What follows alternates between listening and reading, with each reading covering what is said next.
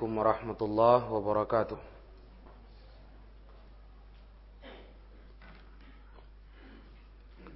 إن الحمد لله نحمده ونستعينه ونستغفره ونعوذ بالله من شرور أنفسنا ومن سيئات أعمالنا من يهده الله فلا مضل له ومن يضلل فلا هادي له وأشهد أن لا إله إلا الله وحده لا شريك له. وأشهد أن محمدا عبده ورسوله. يا أيها الذين آمنوا اتقوا الله حق تقاته.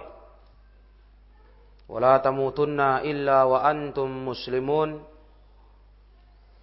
يا أيها الناس اتقوا ربكم الذي خلقكم من نفس واحدة. وخلق منها زوجها وبث منهما رجالا كثيرا ونساء. واتقوا الله الذي تساءلون به والأرحام. إن الله كان عليكم رقيبا. يا أيها الذين آمنوا اتقوا الله وقولوا قولا سديدا. يصلح لكم أعمالكم ويغفر لكم ذنوبكم. ومن يطع الله ورسوله فقد فاز فوزا عظيما. أما بعد فإن أصدق الحديث كتاب الله وخير الهدي هدي محمد صلى الله عليه وسلم وشر الأمور محدثاتها فإن كل محدثة بدعة وكل بدعة ضلالة وكل ضلالة في النار. Kaum muslimin, para jemaah, ikhwati wa akhwati fillah, rahimakumullah. Rasulullah sallallahu alaihi wasallam sebagai sosok pemimpin kaum muslimin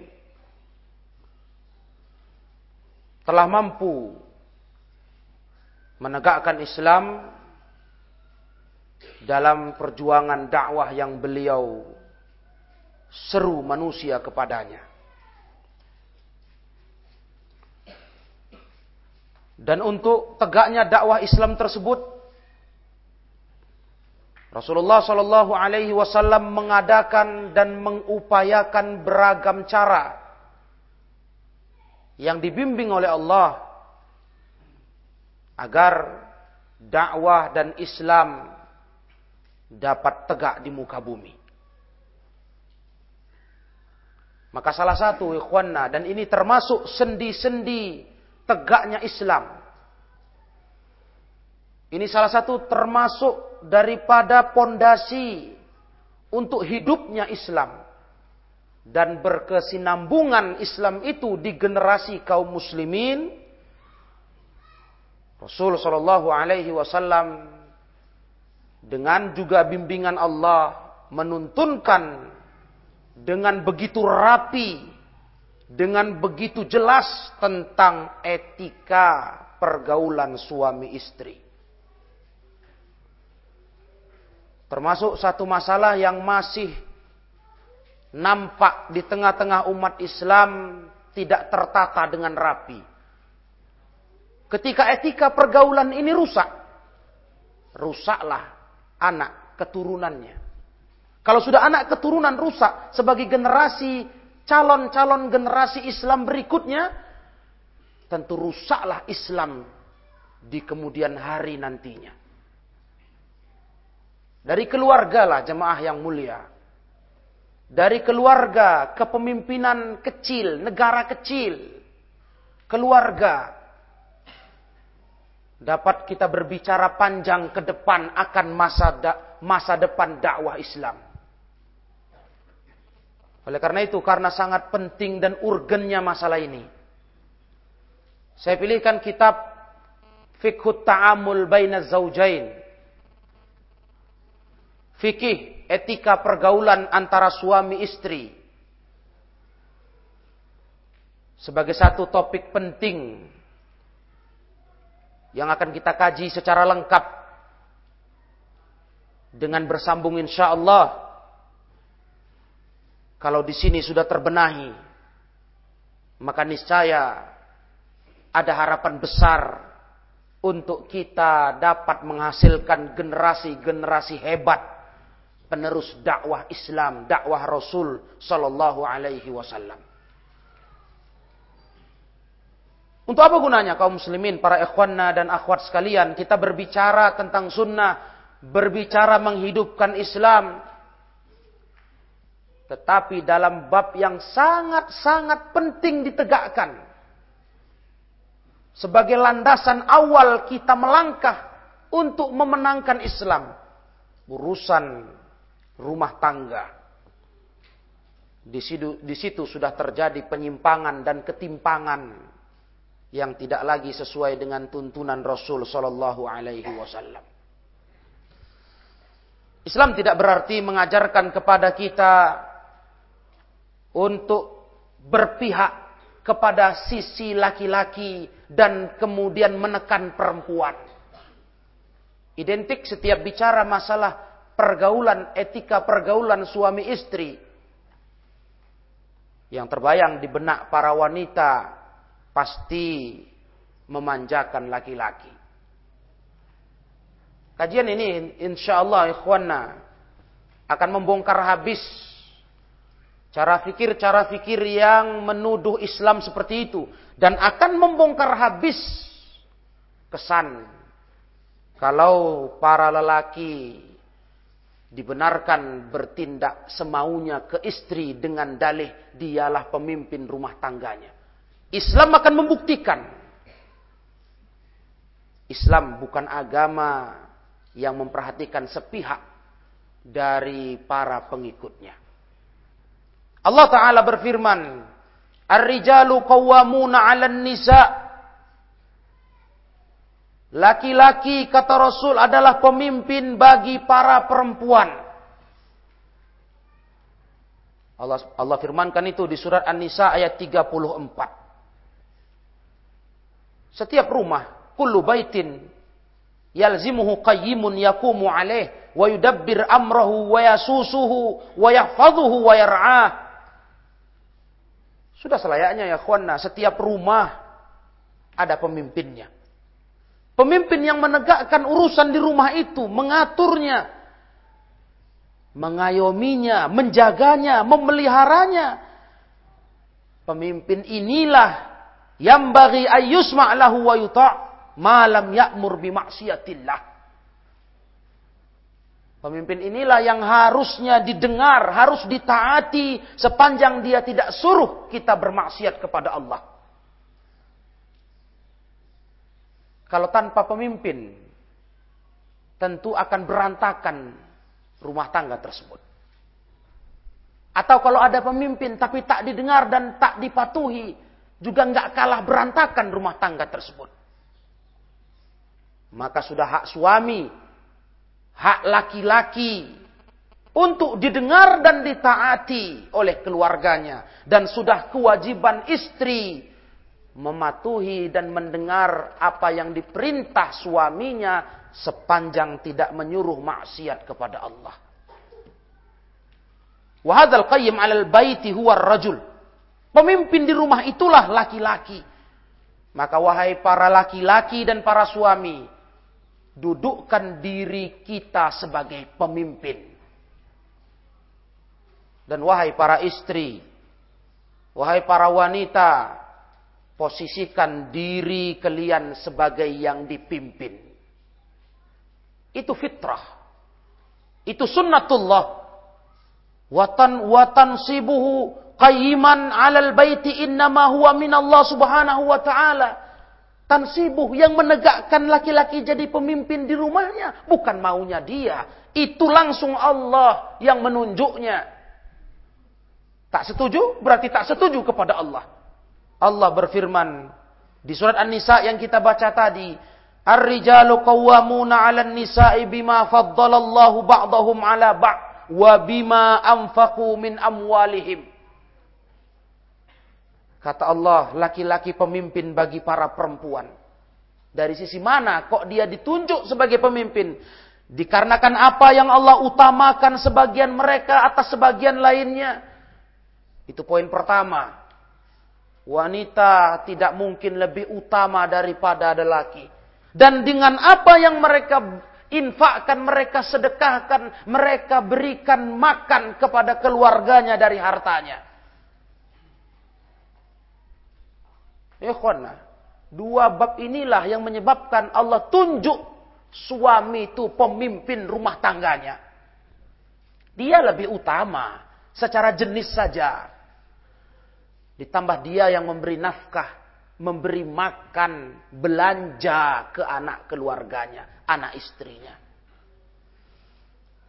Dua poin ini Allah sebutkan di dalam surat An-Nisa yang dikatakan bima faddalallahu ba'dahum ala ba' ay bima faddalallahu bihi rijal 'ala nisa fi asli khilqatihim min quwwatir rajul. Yang dikatakan Allah utamakan sebagian mereka dengan sebagian lain Laki-laki sudah maklum dibanding perempuan. Dari fisik saja kata ulama. Allah sudah beri dia kelebihan. Dengan kekuatan yang ada pada dirinya dibanding perempuan. Itu secara fisik. Aslu khilqah. Jadi nggak bisa dipungkiri ya kawan. Para akhwat sekalian. Itu tabiat yang Allah berikan sebagai ketentuannya bagi lelaki dan wanita secara fisik asal dicipta laki-laki memang lebih kuat dibanding perempuan warajhani akli wajaladatihi wasobri kuatnya akal untuk berpikir laki-laki lebih kuat dari perempuan. Akal lebih panjang.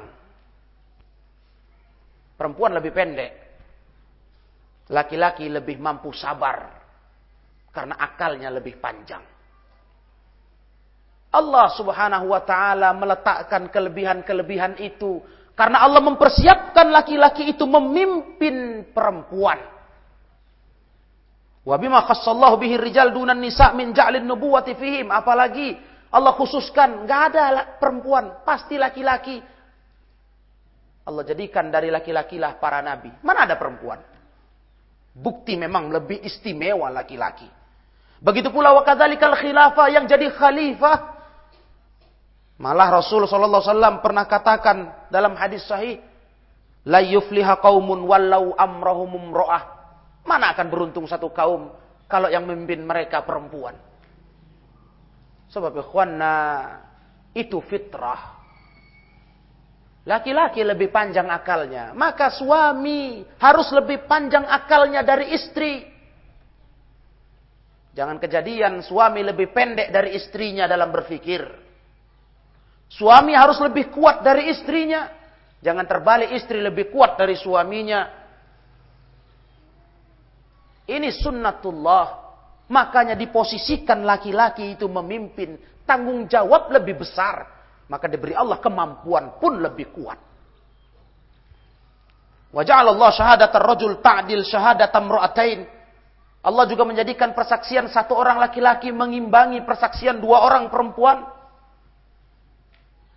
Gak akan bisa sama ikhwan. Dua perempuan cukup satu laki-laki. Wa ja'ala lahu minal mirathi di'far mar'ah.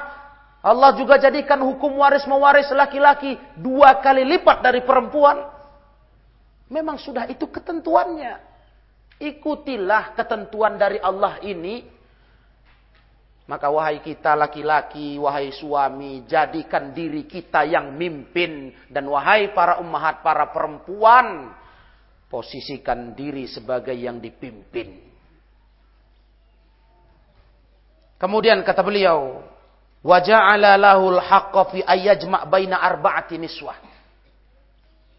Allah juga beri izin untuk suami mengumpulkan dalam arti menikahi empat perempuan. Walayahikulil mar'ah illa antakuna tahta zaujin wahid. Tapi perempuan tidak boleh kecuali hanya boleh punya satu suami.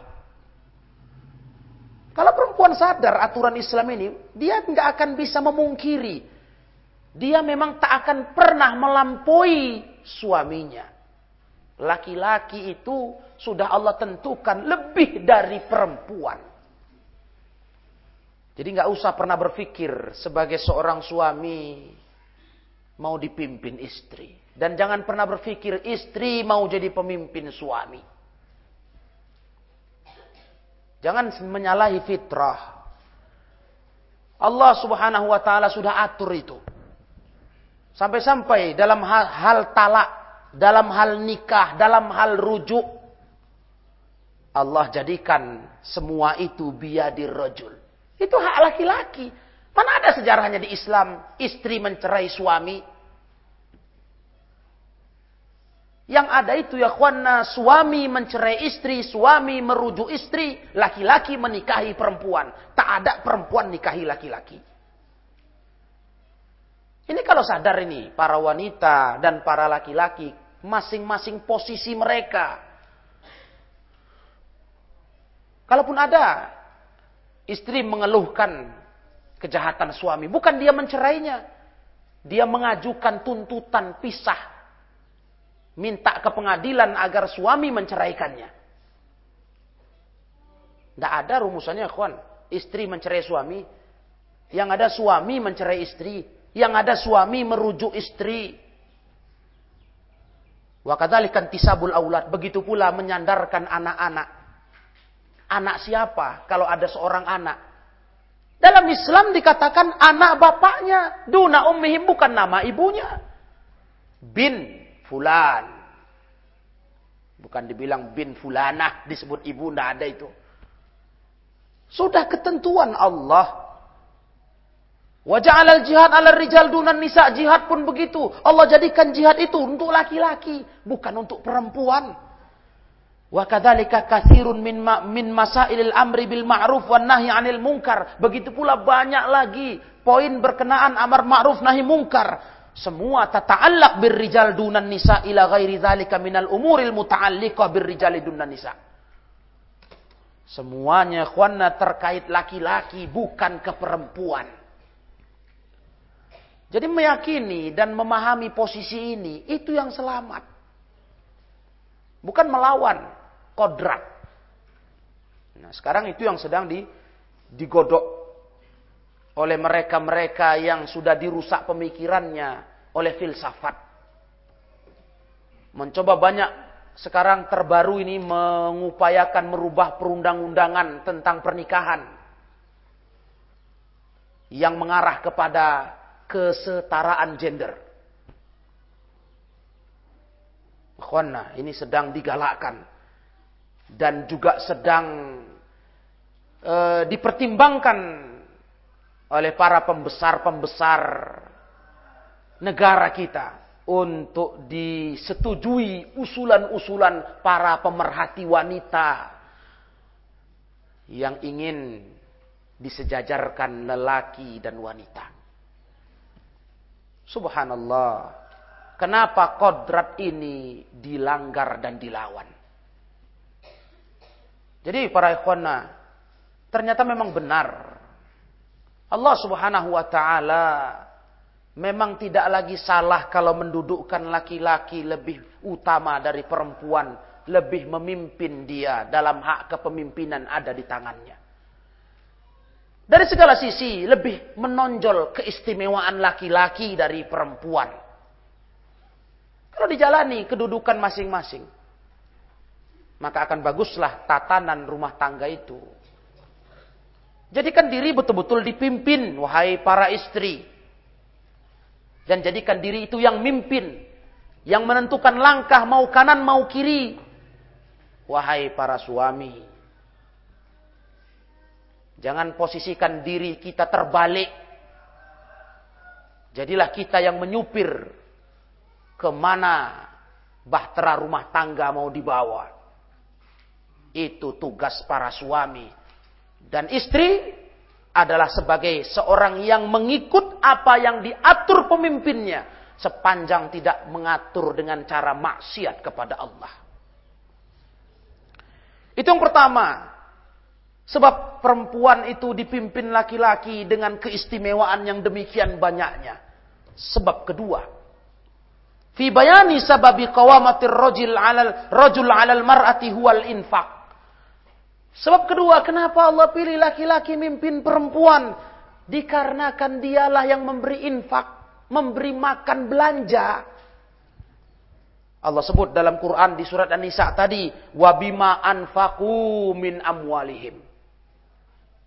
Mereka yang beli memberi belanja, nafkah, sedekah ke keluarganya dari harta mereka. Ikhwanna, perempuan itu dibelanjai. Dan itu terjadi kata ulama, farrajul yunfik alal mar'ah mundu bidayati aqdihi 'alaiha. Seorang laki-laki yang membelanjai seorang perempuan itu dimulai sejak dia terikat akad nikah dengannya. Sudah. Sudah dibeli dari orang tuanya, sudah. Tanggung jawab suami itu istri. Maka di Islam, kalau sudah perempuan menikah, dia bukan punya suami, bukan punya orang tua, punya suami dia. Di Islam begitu dia menikah, orang pertama di hidupnya yang harus dihormatinya suaminya. Jadi nyadar diri. Para suami yang sudah diberi kedudukan tinggi begitu oleh Allah kalau tak sanggup mimpin yang dipimpin demikian rupa lemahnya istri. Dan malulah wahai para wanita yang merasa dirinya sejajar sama laki-laki, sama suami Sadari kenapa? Dari sisi akal saja, inilah perempuan. Kadang-kadang dia tidak punya akal panjang. Memang itu pula kodratnya. Sering sekali memutuskan sesuatu dengan kelemahan akalnya. Sering sok pandi. Maunya kalau dia punya ide di rumah tangga, dia sampaikan ke suami. Karena dia sadar, akalku di bawah suami kelasnya. Gak usahkan suami yang berilmu. Yang tahu agama. Yang awam saja pun.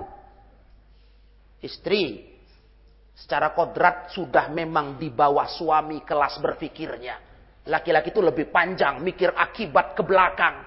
Tidak terjadi itu di perempuan. Maka kalau urusan dengan suami, dengan laki-laki, wahai istri dan wanita, jangan merasa lebih arif dan bijaksana. Walaupun bukan tidak mungkin di satu-satu kasus betul cara pandang perempuan dari suaminya. Tapi itu satu-satu kasus. Umumnya pemikiran perempuan tidak lebih panjang, tidak lebih bijaksana dari laki-laki. Apalagi yang dihadapinya suaminya yang udah ngerti agama. Ah, makanya ikhwana. Tanda pula. Kenapa? Kok dikenal dalam syariat, dikenal dalam kebiasaan masyarakat. Perempuan, wahai akhwat dan ummahat, dikenal banyak cerita. Banyak mulut.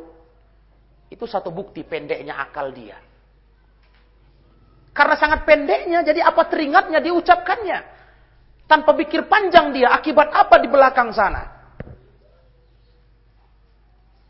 Itu disebut dalam hadis. Disebut itu dalam kebiasaan yang udah diklaim di masyarakat, banyak cakap itu sifat perempuan. Kita harus rubah ini, para ummahat, para akhwat. Posisikan diri itu yang dipimpin. Laki-laki udah harus memimpin dia. Dan dia di atas perempuan. Jadi sebagai perempuan harus tahu, memang kami di bawah laki-laki. Jadi kami ikutilah bagaimana laki-laki mimpin kami. Bukan tidak boleh dia mengeluarkan pendapat, masukan, silahkan. Tapi tidak dalam arti dia merasa tanpa ada pertimbangan dengan suaminya, dia betul. Ini yang sering nanti terbentur nanti di rumah tangga. Kalau sudah rumah tangga rusak, merembet ke anak-anak, ujungnya khwana, tidak ada harapan lagi generasi Islam bakal baik di kemudian hari. Terancamlah dakwah ini. Walaupun dakwah ini nggak akan pernah mati, tapi kan rugi kalau kita sebagai kaum muslimin, sebagai pecinta sunnah Rasul, nggak ada tercatut nama dalam andil pembela dakwah ini. Rugi ya khwana. Berhubung sudah rusak tatanan rumah tangga dan anak-anak kita. Kita mau tercatat di sisi Allah kita dalam barisan pembela agamanya. Itu mau kita. Terdaftar di depan Allah. Kita tak mau rugi. Dengan nama kita tidak masuk daftar. Sebagai pembela agama Allah. Ha, para ummahat jangan mau rugi. Nama-nama para ummahat dan akhwat tidak tercantum di daftar di sisi Allah. Pembela dakwah Rasulnya. Itu sangat penting dimulai dari rumah tangga. Maka bagi seorang suami, wajibkan bayar mahar. Wajib bayar mahar. Yajibu alaiha alaih. Yajibulaha alaihi mahrun. Harus bayar mahar. Memang dia yang membelanjai istri. Itu sudah satu bukti waktu menikah. Mana ada pula perempuan bayar mahar untuk beli suami. Di Islam ya baru sah pernikahan. Laki-laki bayar mahar ke istri. Sebagai permulaan tanda yang diperintah Allah. Nih. Bukti. Hai laki-laki. Kalian yang membelanjai istri. Hei istri, kalian itu dibelanjai suami. Lihat di awal akad untuk memulai biduk rumah tangga, suami ngasih mahar ke istri. Tak ada sejarahnya itu dan tak sah nikah kalau sempat pula istri yang bayar mahar ke suami. Subhanallah. Begitu hebatnya Allah mengatur ini semua. Bahkan wajibullah alaihi it'am wa kiswah wa maskan wa sair aujuhil infaqil wajibati lin nisa 'ala rijal. Bahkan kata ulama wajib suami itu beri makan istri, beri baju, beri tempat tinggal dan segala urusan belanja yang wajib suami membelanjai istri. Itu juga pendorong ya kawan untuk menjadikan istri itu betul-betul dipimpin jadi yang aneh betul lah. Sudahlah suami membelanjai. Lantas istri yang pegang kendali uang belanja itu. Baru terbalik besok suami minta sama istri. Padahal dimaksud Allah belanjai istri. Supaya apa? Istri itu betul dipimpin. Kita yang ngasih makan dia. Kita ngasih bajunya, tempat tinggalnya, semuanya. Bukan habis dapat, sudah bukan habis diberi belanja, terus istri bilang ini uang saya, pas kita butuh kita minta sama dia. Ya kawan, coba didengar aturan Islam ini. Sampai-sampai hatta idza talaqaha walau andai dicerai oleh suami si istri itu. Yajibulah fi malihin nafaqatu wasukna. Masih wajib dia istri ditalak satu yang belum habis masa iddahnya. Wajib dikasih belanja, wajib kasih rumah. Tempat tinggal yang layak, kecuali dia lari dari suami. Belum boleh talak satu ikhwanna diusir dari rumah suami. Dia punya hak diberi nafkah, diberi tempat tinggal yang layak. Itu kan ala sekarang saja itu. Semua setiap cerai bubar habis. Istri yang entah istri yang lari, entah suami yang mengusir istri dari rumahnya. Padahal aturan Islam, sepanjang istri itu, kata Allah di Quran, tidak melakukan kekejian yang nyata seperti zina misalnya. Dan dia tinggal di rumah suaminya. Kalau terjadi cerai, tetap di rumahnya dan tetap mendapat belanja dari suaminya. Kecuali juga nggak mereka melakukan rujuk sampai habis iddahnya. Dua poin itulah di surat An-Nisa ayat 34 Penyebab Allah menjadikan laki-laki itu pemimpin perempuan. Sekali lagi, wahai laki-laki dan suami, posisikan diri sebagai pemimpin. Dan wahai istri, para ibu-ibu, para akhwat, posisikan diri sebagai yang dipimpin.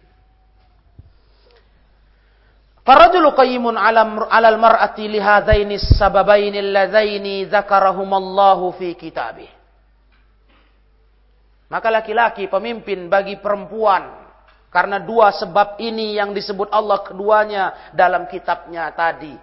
An-Nisa 34. Dikuatkan lagi posisi kepemimpinan ini di surat Al-Baqarah ayat 228. Kata Allah, "Walir rijali 'alaihinna darajah." Laki-laki bagi perempuan, laki-laki atas perempuan, suami atas istri, itu setingkat lebih tinggi. Allah yang bilang. Kok malah dipaksa mau disejajarkan? Ini kan nantang ini ke ayat Allah ini, ide-ide gender ini kesetaraan, kesetaraan. Allah yang bilang ya khwana wahai para akhwat dan ummahat. Allah bilang di Al-Baqarah 228, "Walir rijali alaihinna darajah." Bagi laki-laki suami atas istri atas wanita setingkat lebih tinggi. Mana sejajar? Waduh, memang keji kali ini seruan kesetaraan ini. Ya, dengan dalih keadilan. Iya. Dengan dalih Islam cinta keadilan. Entah ke mana-mana dibawakannya. Nah, itulah yang agak-agak termasuk uh, terpengaruhi masuk ke pikiran kaum mu, mukminin, mukminat. Barulah suami mulai takut-takut memposisikan diri jadi pemimpin, istri mulai berani mensejajarkan, setidaknya mensejajarkan status kepemimpinan dengan suami mau ngajak sama-sama ngatur rumah tangga dalam arti sama-sama menentukan sikap. Sehingga kalau suami perintah yang ma'ruf tak langsung diterima. Tunggu dulu, sesuai enggak istri, bisa cocok baru jalan, kalau enggak pending. Itulah kehidupan yang banyak sekarang. Khawatir nanti dituduh kepada tidak adil ke istri. Entah cara pandang adil siapa yang seperti itu. Kita jangan pula terimbas ya kawana. Terkena subuhat batil itu. Kita belajar ilmu. Ketika kita mengamalkan kedudukan suami dengan istri sesuai dengan pesan Allah. Akan berkah rumah tangga. Ketika perempuan tahu diri. Dia memang ditakdirkan Allah untuk dipimpin. Dan sebenarnya lebih enak dipimpin. Apalagi ada ketentuan dipimpin pun ke yang baiknya bukan mutlak boleh dipimpin ke segala arah. Dibatasi oleh ulama kita dengan ketentuan Quran dan Sunnah Rasul. Dipimpin di jalan yang baik. Kurang enak apa? Lebih sulit lagi jadi pemimpin. Makanya Allah kasih perempuan itu kemampuannya ya kemampuan kelas yang dipimpin Laki-laki diberi kemampuan fisik, akal, segalanya dari pandangan memang dia pemimpin. Allah buat adil pembagian itu. Naam. Al-Baqarah 228 harus diingat para perempuan dan para laki-laki. Laki-laki kata Allah atas para perempuan, suami atas para istri, darojah setingkat lebih tinggi. Tak pernah sejajar itu. Wazdadu hadzal ma'na ta'akkudan biqaulin Nabi sallallahu alaihi wasallam. Bertambah kuat lagi pengertian ini ketika Rasul bersabda, "Lau kuntu amuran ahadan ayas judali ahadin la amartul mar'ata antas judali zaujiha." Handai kata aku nyuruh seorang untuk sujud ke orang lain, yang akan kusuruh sujud adalah istri sujud di depan suami. Cuman kan aku nggak pernah suruh itu kata kata Rasul. Karena nggak boleh sujud ke hamba. Andai boleh, bolehnya ada orang sujud ke orang lain. Makhluk sujud ke makhluk. Yang akan kusuruh sujud, perempuan, istri sujud depan suami. Lihat begitu kerasnya hadis ini ya menunjukkan status derajat tinggi suami bagi istri. Maka Islam pun tidak pula berhenti di situ. Makanya kita harus komplitkan kajian ini. Enggak cukup cuma Islam cukup di situ, tapi Islam juga memberikan hak-hak istri yang begitu besar harus dipenuhi pemimpinnya yakni suami. Bukan berarti di sini hanya mengenakkan bagi laki-laki. Mungkin terkesan pemimpin di sini pemimpin yang suka-suka hati. Oh Islam enggak begitu ikhwanah. Lihat hadis ini. Gak mungkinlah Rasul suruh sujud. Kalau boleh ini ya. Istri ke suami. Kalau bukan karena tingginya derajat suami itu. Ya hendaknya kalau dipikir-pikir lebih layak lagi anak ke orang tua. Rasanya begitu. Tapi nggak ke situ Rasul bilang. Yang akan kusuruh sujud itu istri ke suami. Lihatlah jemaah yang mulia.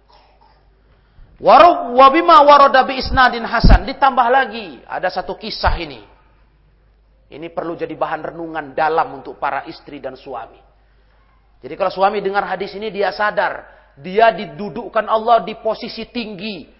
maka dia harus mengayomi orang yang dipimpinnya dengan sepenuh hati. Bagi istri yang menyadari hadis ini, dia berposisi sebagai yang dipimpin, maka dia harus menghormati yang memimpinnya, yakni suami. Lihat dalam sanad yang hasan dari hadis Abi Sa'id al-Khudri radhiyallahu taala an. Anna rajulan ata bibnatin laha ila Nabi sallallahu alaihi wasallam. Datang seorang lelaki bawa anak gadisnya ke depan Rasul. Kata laki-laki ini, "Inna benati hadhihi abad antazawwaja." Ya Rasul, anak gadisku ini tak mau dia nikah. Si bapak ngadu ke depan Rasul. Faqala laha ati'i abaka kata Rasul. Rasul bilang ke si gadis itu, kau taati bapakmu, dengar cakapnya nikah kamu. Apa kata wanita itu? Faqalat la hatta tukhbirani ma haqqu zauji ala zaujati. Enggak mau aku nikah. Sebelum kau beritahu ke aku ya Rasul, apa hak suami harus dipenuhi istri. Kalau tak kau kasih tahu itu, aku tak mau nikah ya Rasul. Baiklah kata Rasul. Faraddadat alaihi maqalataha. Dia ulang-ulang dulu permintaannya baru Rasul jawab. Tak mau aku ya Rasul. Tetap tak mau. Sebelum kau beritahu aku apa hak suami yang harus dipenuhi istri. Fakal. Maka Rasul menjawab. Hakku zauji ala zaujatih. Allau kana bihi kurha falahisatha aw ibtadara min kharahu sadidan aw lahisathu ma addat haqqahu. Gak main-main ini. Tahu kamu kata Rasul hak suami yang harus dipenuhi istri. Kalau andai kata suamimu ada luka terus kamu jilat luka itu sampai beselemotan nanah mukamu. Itu pun belum mampu kamu dianggap memenuhi hak suamimu. Wahai para istri, andai kata kalian menjilat luka bernanah yang ada di tubuh suami dengan lidah kalian, kalian belum melakukan hak suami sesungguh-sungguhnya wajib yang kalian penuhi. Belum. Begitulah gambaran Rasul betapa tingginya hak suami harus dibayar istri. Rasanya khwanan jilat luka bernanah. Itu kan sudah betul-betul penghambaan habis sudah. Budak saja pun nggak separah itu menghambakan diri ketuannya. Kalaupun melayani ya paling dielap lah luka tuh, tak dijilat. Ini dijilat kata Rasul. Itu pun belum dia tunaikan hak suaminya. Mendengar itu, apa kata si gadis tadi? Walladzi ba'atsaka bil haqqi la atazawwaju abadan. Demi zat yang mengutus engkau ya Nabi, tak berani aku nikah selamanya. Patah dia ikhwana. Dengar begitu tinggi derajat suami atas istri. Dengar sabda Rasul langsung dibilangnya. Gak berani aku nikah kalau gitu. Terus Rasul bilang sama bapaknya, La tangkihuhunna illa biidnihinna. Ya sudah, jangan kau nikahkan gadis-gadismu kecuali mereka izin mau dinikahkan. Jangan paksa. Bukan terus malah Rasul dengar perempuan tuh terus tak mau nikah. Oh kalau gitu dirubah sajalah. Atur enggak. Ya sudah, enggak usah nikahkan dulu kalau belum mau dia kata Rasul. Hadis ini jemaah rahimakumullah. Hadis yang hasan derajatnya. Dan dari hadis ini kita nampak bukti kuat.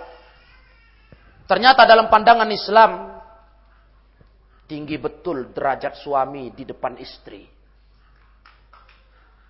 Bayangkan sampai kalaulah dia tega dan mau jilat membersihkan luka bernanah suaminya. Itu pun belum ditunaikannya hak suaminya dengan sempurna. Suami yang diberi kedudukan setinggi ini oleh Islam. Bukan pula terus ongkang-ongkang istilah kita. Bukan pula terus melakukan tindakan-tindakan semaunya. Enggak, malah dia terharu melihat demikian tinggi derajatnya dalam Islam sebagai suami atas istri. Melahirkan rasa sayang cinta yang besar sekali kepada istri. Begitu hendaknya. Bukan malah terus merasa seperti raja di raja. Hah? Kemudian mijak-mijak istrinya. Tidak, Islam nggak begitu. Inilah kalau hanya baca sepenggal hadis seperti dilakukan para lulusan-lulusan eh, pendidikan kufar. Hah? Para wanita-wanita dapat gelar dari sekolah-sekolah kafir. Dia hanya baca satu dua hadis seperti hadis ini. ini bukti kalau kita harus berislam kalinya menata rumah tangga inilah jadinya katanya. Wanita dipijak-pijak sedemikian rupa, masa sampai jilat luka suami bernanah belum pula dianggap menunaikan haknya.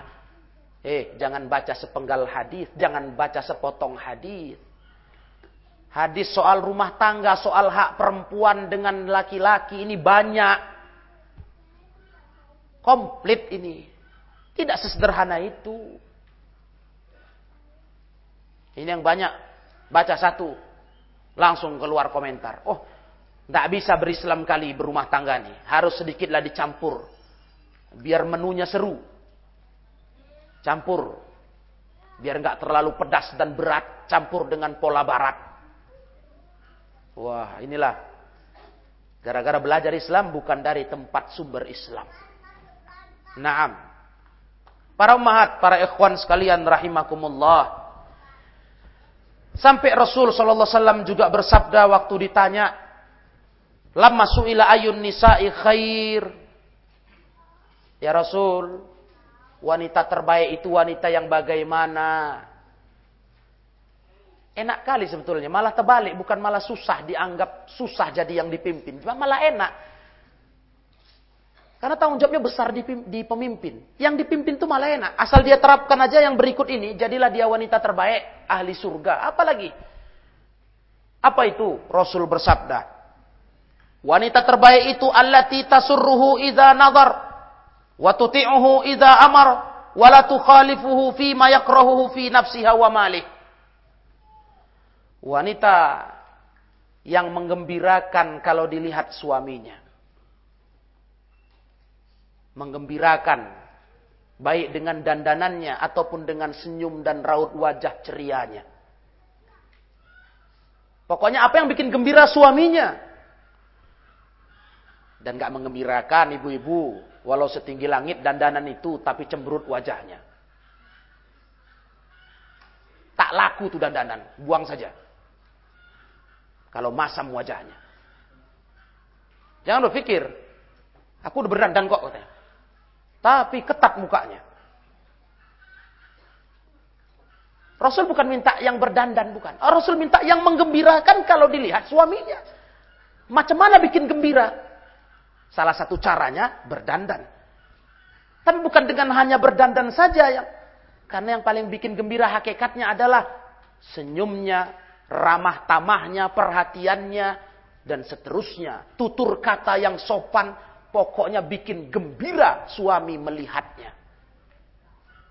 Kemudian waktu tiuhu mentaatinya kalau disuruh. Disuruh baik, taat. Disuruh bagus, taat. Itulah wanita, wanita terbaik kata Rasul. Dan tidak pernah menyelisihinya pada perkara yang dia tak senang. Tak pernah melawan kalau sesuatu yang tak disenangi suami dibuatnya. Gak pernah dia. Kalau tahu dia suami tak suka tentang dirinya. Begitu pula tentang harta suaminya dia tak langgar itu. Dia perhatian kali apa yang suami tak senang. Apa yang suami tak suka. Berkenaan dengan diri dan harta suami dia jaga itu.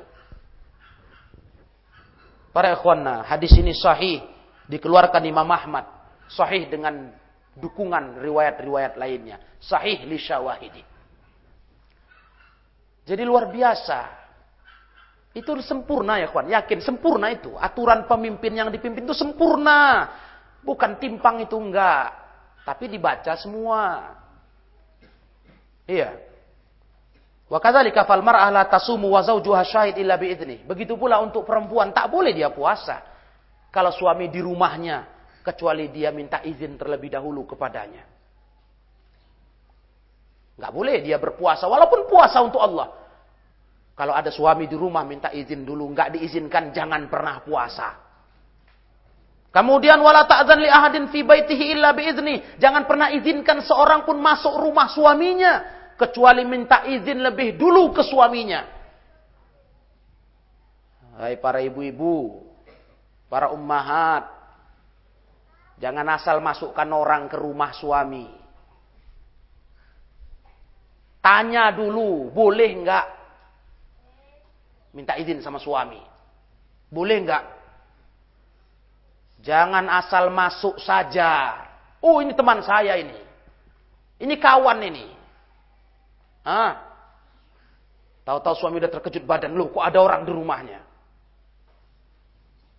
Minta izin suaminya.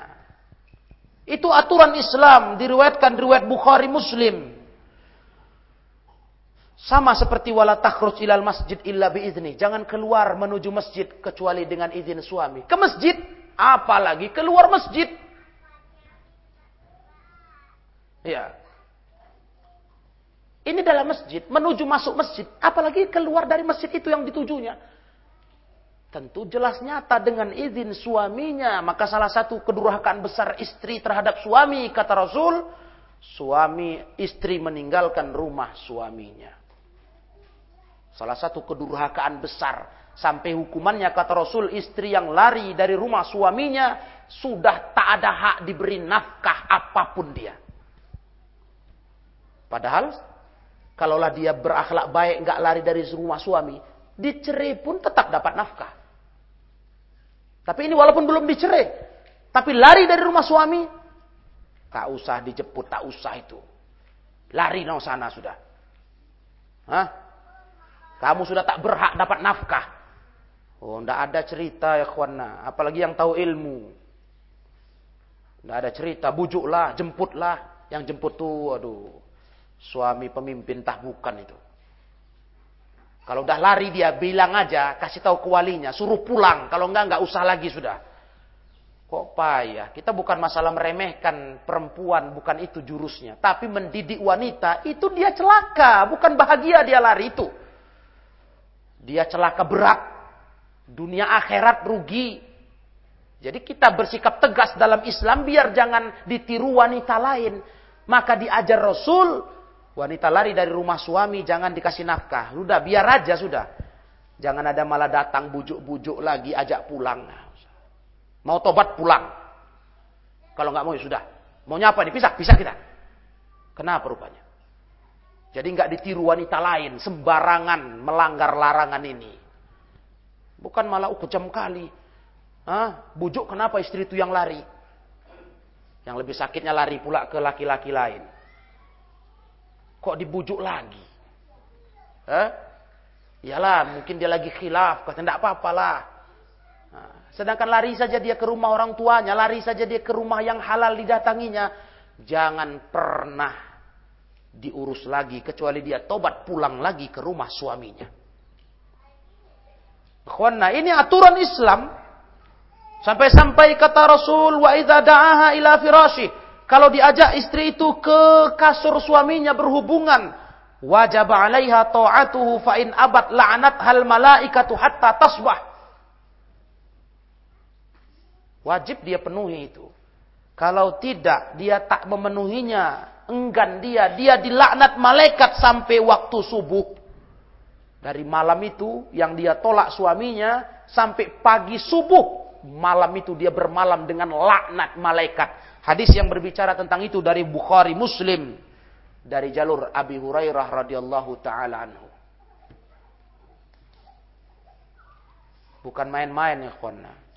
Wajar dia dilaknat malaikat karena tanggung jawab suami ke dia pun begitu besarnya.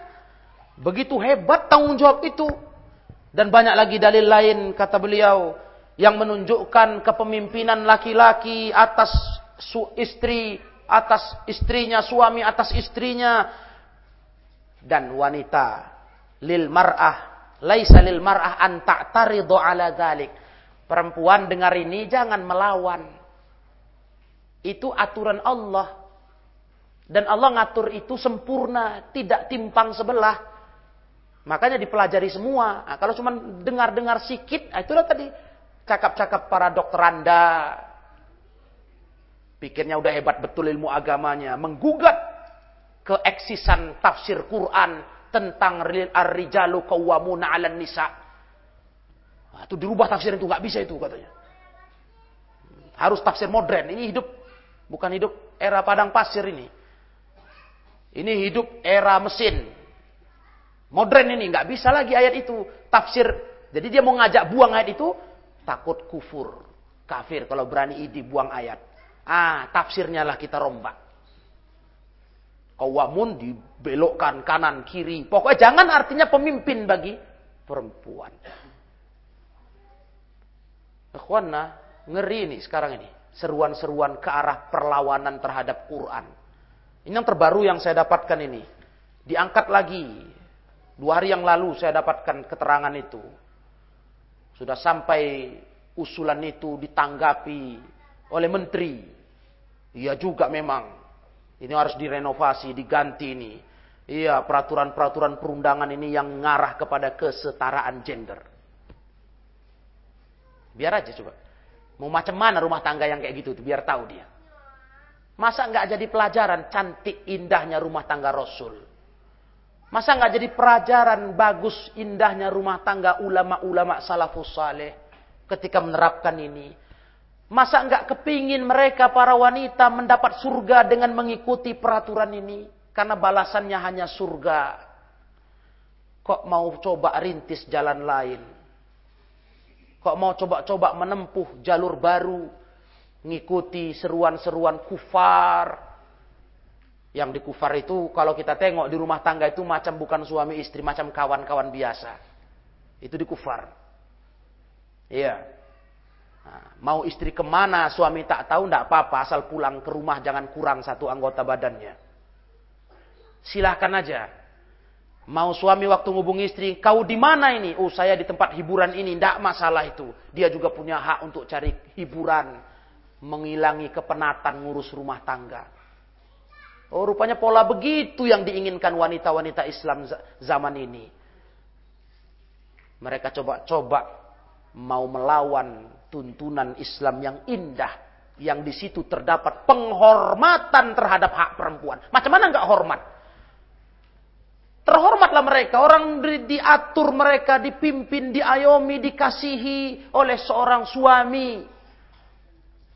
Dibela, namanya yang dipimpin sudah. Jadi nggak lagi disuruh cari makan, nggak lagi disuruh lain-lain. Memang betul-betul diayomi sempurna sama suaminya.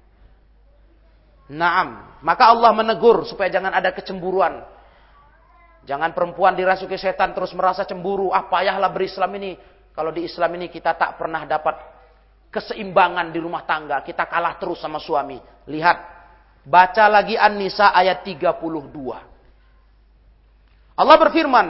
Wala tatamannau ma faddalallahu bihi ba'dakum ala ba'd. Lirrijali nasibum mimma iktasabu walin nisa'i nasibum mimma iktasabn. Was'alullaha min fadlih. Innallaha kana bikulli syai'in alima. Jangan kalian cemburu, iri. Apa yang diberikan oleh Allah keutamaan sebagian kalian melebihi sebagian lainnya. Jangan kata Allah. Itu sudah kodrat. Laki-laki punya bagian dari hasil usahanya. Wanita pun juga punya bagian dengan hasil usahanya. Ya sesuai dengan kadarnya.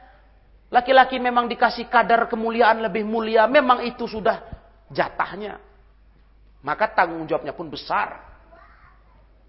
Sehingga jangan terjadi ikhwan, mau jadi pemimpin, tapi dalam menjalani kehidupan ingin dipimpin. Ah.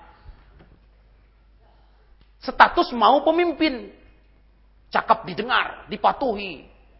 Perintah didengar, larangan didengar. Tapi dalam hal kehidupan sehari-hari mau dipimpin. Mau dikasih makan, dikasih baju, dibelikan baju, ha? disewakan rumah, istri diperas sampai kering. Itu sih tak seimbang ya Kalau itu nggak cari Islam itu. Islam tuh adil dia mendudukkan porsi itu. Suami istri, pemimpin dipimpin, adil. Maka salah satu tugas bagi suami di poin kedua dalam kajian hari ini. Ta'limur rajulu ahlah. Suami itu punya tanggung jawab ngajari yang baik ke istri. Selain ngasih nafkah, ngasih baju, ngasih makan, rumah tinggal. Kasih ilmu pendidikan agama. Yang bagi ayyakum rajul bita'limi ahli ma yanfa'uha fi umuri diniha wa dunyaha. Wajib seorang laki-laki ngajarin keluarganya, istrinya yang bermanfaat baginya dalam urusan agama dan dunianya. Wahai para pemimpin suami, bukan dikatakan kita sudah mimpin istri cuman kasih makan saja.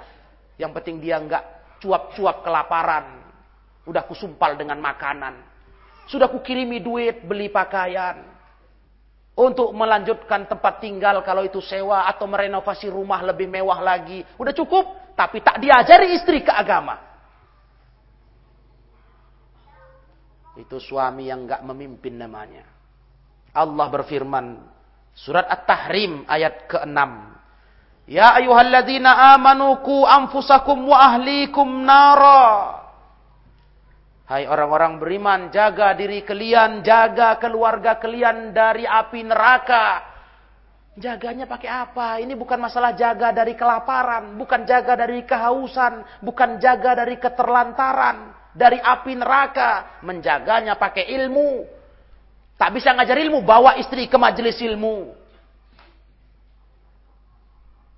Bukan asal udah dikasih makan, dikasih baju, dikasih tempat tinggal, dikasih fasilitas, tak pernah diurusi. Mau kayak mana jadi ilmunya dia, tidak tahu sudah. Renungkan ini wahai para suami. Soalnya ancamannya pun gak ringan. Allah Subhanahu wa taala menjadikan suami pemimpin ketika dia tak menjalani amanah kepemimpinan. Allah tegur kita. Dalam hadis sahih Rasul bersabda apa? Kullukum ra'in wa kullukum mas'ulun an ra'iyati. Tiap kalian itu pemimpin, hai laki-laki. Tiap kalian diminta pertanggungjawaban dari yang dipimpin. Allah Subhanahu wa taala nggak akan tanya kita, Kenapa nggak kau pimpin istrimu dengan kekayaan? Allah nggak tanya itu, ikhwana. Kok tak bisa kau buat kaya dia? Tak bisa kau buat mewah dia? Tak bisa kau buat ini, itu yang berkenaan dengan fata morgana dunia. Tapi yang akan Allah tanya, kenapa tak kita pimpin dia dengan agama yang diwariskan Rasul Sallallahu? Kenapa tak diarahkan dia, dididik dia menjadi wanita yang benar? Ini maunya jadi renungan ini untuk suami. Hah?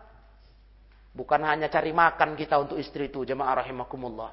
Tapi mau kita didik dia ke jalan yang diridho Allah. Dia itu butuh pendidikan suami. Dia itu bengkok. Wahai ibu-ibu dan ummahat, kaum wanita itu bengkok.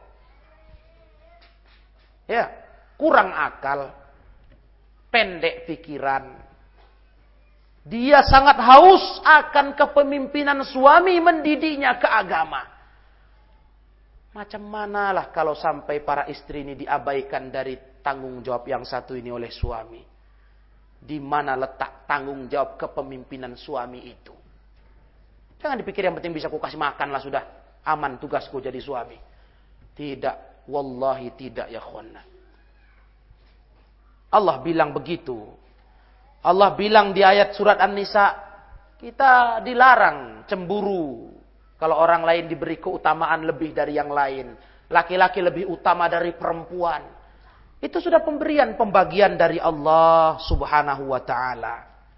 Naam. Maka didiklah istri. Ku anfusakum wa ahlikum nara wa kuduhan nas wal hijarah. Jaga dari api neraka, bahan bakarnya adalah manusia dan batu.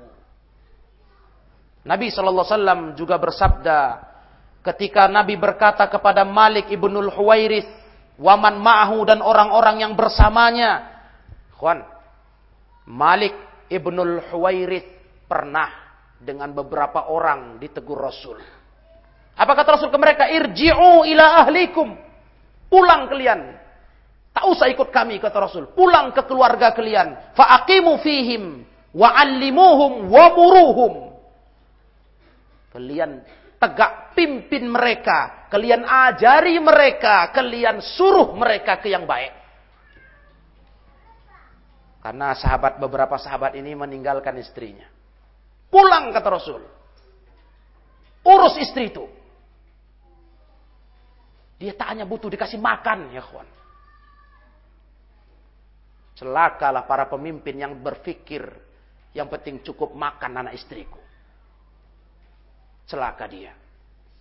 Dia sudah mengabaikan yang lebih besar dari itu. Yaitu pendidikan keimanan istrinya. Menyelamatkannya dari kekurangan akalnya. Dari kekurangan agamanya. Ah, makanya bagi para wanita-wanita Islam. Jangan hanya berpikir kalau cari suami itu yang mapan dalam hidup dunia. Nah, Jangan hanya berpikir materi. Tengok agamanya. Sama kayak laki-laki. Jangan hanya pikir cari istri itu menilai fisiknya. Hartanya. Nasabnya. Tapi tengok agamanya kata Rasul. Kenapa? Kalau bagi suami disuruh nengok istri ke agamanya, sempat tak beres agamanya, tak bisa nanti dipimpinnya. Celaka dia kalau punya pemimpin yang tak bisa dipimpinnya. Rasulullah bersabda, "Ma min ra'in yastar'iyahullah ala ra'iyati, thumma lam yuhid lam yuhidhu binushih illa faharamun alaihim raihatul jannah." Tidaklah seorang pemimpin yang Allah beri kekuasaan memimpin orang yang hendak dipimpinnya. Suami yang mimpin istrinya misalnya. Kemudian dia tak mampu, tak berkuasa memberi nasihat kepadanya. Itu tadi. Karena yang dipilihnya bukan agama waktu menikah itu. Sehingga dia tak bisa menguasai istrinya. Tak bisa mengaturnya. Istri jalan dengan maunya sendiri. Orang begini kata Rasul. Haram baginya mencium bau surga. Nasib jelek para pemimpin. Kalau sempat dapat istri. Tak baik agama, tak mau dipimpin. Dan nasib jelek bagi para istri kalau cari suami yang tak bisa memimpinnya ke agama yang baik. Inilah ikhwanna rahimakumullah. Dua bab di kitab fikih at-ta'amul bainaz zaujain. Bagaimana etika pergaulan suami istri. Ternyata sudah saja di fitrah memang harus dipimpin perempuan. Ternyata memang sudah fitrah harus memimpin laki-laki. Dan ternyata perempuan tidak hanya butuh dipimpin dari sisi dunia dan harta. Dia sangat-sangat butuh lebih dari itu dipimpin dari sisi agama. Keberadaan suami di sisinya yang terus memberi nasihat kepadanya, membawanya ke jalan kebajikan, kebaikan, itu baru namanya mimpin. Lihat riwayat Al-Malik Ibnul Huwairis ini. Pulang kalian kata Rasul ke keluarga kalian. Urusi mereka, ajari mereka, suruh mereka kepada perkara baik di agama ini. Hadis ini riwayat Bukhari dan Muslim. Mudah-mudahan pembuka kajian tentang masalah fikih etika pergaulan suami istri di kajian bulanan ini dapat membuat para ikhwana dan akhwat sekalian untuk lebih memposisikan diri dengan tepat di posisi masing-masing. Tidak ada indah hidup ini kalau tak kita raih ketaatan kepada Allah dan Rasulnya. Tak ada nyaman hidup ini di rumah tangga kalau sampai tidak duduk posisi pemimpin dan yang dipimpin. Dan tak ada enak hidup di seluruh kehidupan kita kalau sudah tak enak di rumah tangga. Makanya ikhwan, rumah tangga ini tempat berpulang dari kekacauan berpikir kita di luaran. Makanya memang tugas penting bagi istri menjalani apa yang Rasul sabdakan tadi kalau dilihat suami menggembirakannya, lepas itu semua beban-beban pikiran, kekacauan, kerumitan hidup di luaran, pulang ketemu dihadapi senyum istri dan bisa berlipat-lipat memuncak beban itu kalau pulang ketemu dengan muka ketat istri. Jadi jangan hanya seorang istri itu berkata kepada suami, kenapa suami kok marah ke dia? Hah? Begitu pula suami Tidak pula berkata mudah-mudah menuntut selalu istri yang kurang melayaninya. Dua belah pihak harus memeriksa diri. Sudahkah kita jalani tugas masing-masing? Engkau wahai istriku yang terpimpin, aku yang memimpin. Sudahkah pemimpin berjalan dengan tugasnya? Istri dipimpin juga berjalan dengan tugasnya? Ikhwan, ini yang harus dijalani dalam kehidupan rumah tangga. Kalau sudah bagus tatanan ini, anak yang lahir pun terdidik dengan benar, jadilah generasi-generasi Islam yang handal. Karena yang kita sudah yakin dalam pelajaran tafsir yang lalu, madrasah pertama pendidikan pembentukan mental anak itu di rumah tangga sama ibu bapaknya. Lah ibu bapaknya berantakan macam mana anaknya. Ya kalau nasibnya baik ketika dewasa masih bisa terarah dia ke jalan benar. Kalau enggak lewat sudah. Hancur anak itu. Nah, makanya dari tatanan suami istri lah dibina, dipelajari dengan teliti, nanti ke anak-anak pun baik sampailah mereka menjadi dewasa. Demikianlah untuk hari ini yang dapat saya sampaikan. Mudah-mudahan bermanfaat. Wallahu taala a'lam. Wa akhiru da'wana anil hamdulillahi rabbil alamin. Wassalamualaikum warahmatullahi wabarakatuh.